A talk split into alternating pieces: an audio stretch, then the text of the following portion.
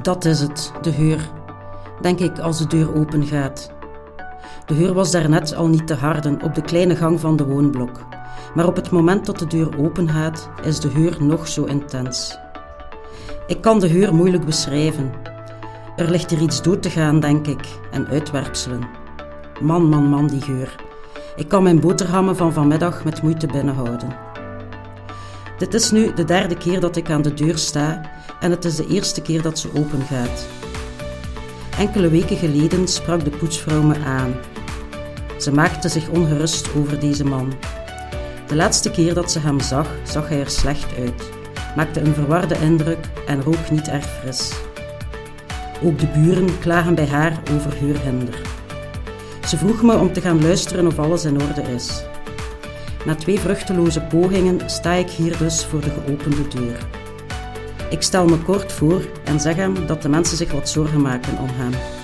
Niet bepaald de meest comfortabele intro. Ik mag meteen binnen. Het is erg duister in het appartement. De gordijnen en wellicht ook de ramen zijn al lange tijd gesloten. Ik probeer me nu niet langer te focussen op de geur. Je moet je geen zorgen maken om mij, zegt de man met een zachte stem. Alles is oké. Ons gesprek gaat snel over muziek. Hij heeft een uitgebreide collectie CD's die ook bij mij in de smaak vallen. Zal ik Black Sabbath opleggen? vraagt hij, maar niet te luid voor de buren. Black Sabbath is altijd een goede keuze, zeg ik hem. Maar hij heeft niet zoveel tijd.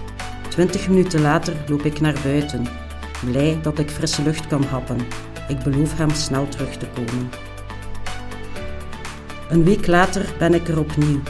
Hij herkent me in eerste instantie niet, maar wanneer ik hem vertel dat we een week ervoor Black Sabbath geluisterd hebben, weet hij het weer. Had jij vorige week ook al een baard? vraagt hij. Ik kan er alleen maar om lachen. Het kost me heel wat moed om de heur opnieuw te trotseren. Het klinkt niet erg professioneel, maar zo is het nu eenmaal. Maar goed, zijn pretoogjes en zachte stem maken veel goed. Pink Floyd vandaag? Graag. Bij mijn derde bezoek is het prijs.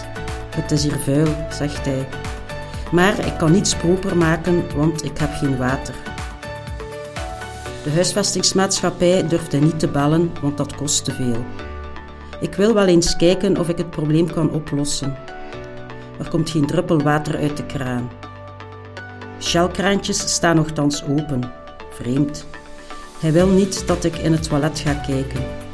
Maar ook daar geen water. Wellicht verklaart dat de geur. Ik ga kijken naar de waterteller in de hang. Wat blijkt, iemand heeft zijn hoofdkraan dichtgedraaid, maanden geleden. Pesterijen? Kunt jij me helpen met de opkuis? Is zijn vraag wanneer er water sijpelt uit de verkalkte kraan. Ik kan morgen komen, zeg ik hem, maar eerlijk gezegd weet ik niet of we dat met ons twee gaan kunnen klaren. Buiten zie ik DJ. Hij vraagt me of ik weet heb van die situatie op het negende verdiep. Ik kom er net van, zeg ik. DJ kent de situatie via de poetsvrouw en maakte zich ook ernstige zorgen. Ik leg hem uit dat ik morgen heb afgesproken om de boel aan te pakken. De volgende dag sta ik op de negende verdieping met twee emmers, een aftrekker en een bus poetsmiddel. Dennefris. DJ staat er ook. Ik wil graag helpen. Hij weet beter dan elk ander hoe het is om in de shit te zitten, letterlijk en figuurlijk. Wanneer de deur open waait, moet ik uitgelegd krijgen dat DJ wil helpen. Maar dat is niet nodig, alle hulp is welkom. DJ en ik beginnen met emmers vol heet water en chemische dennenlucht de boel te schuren.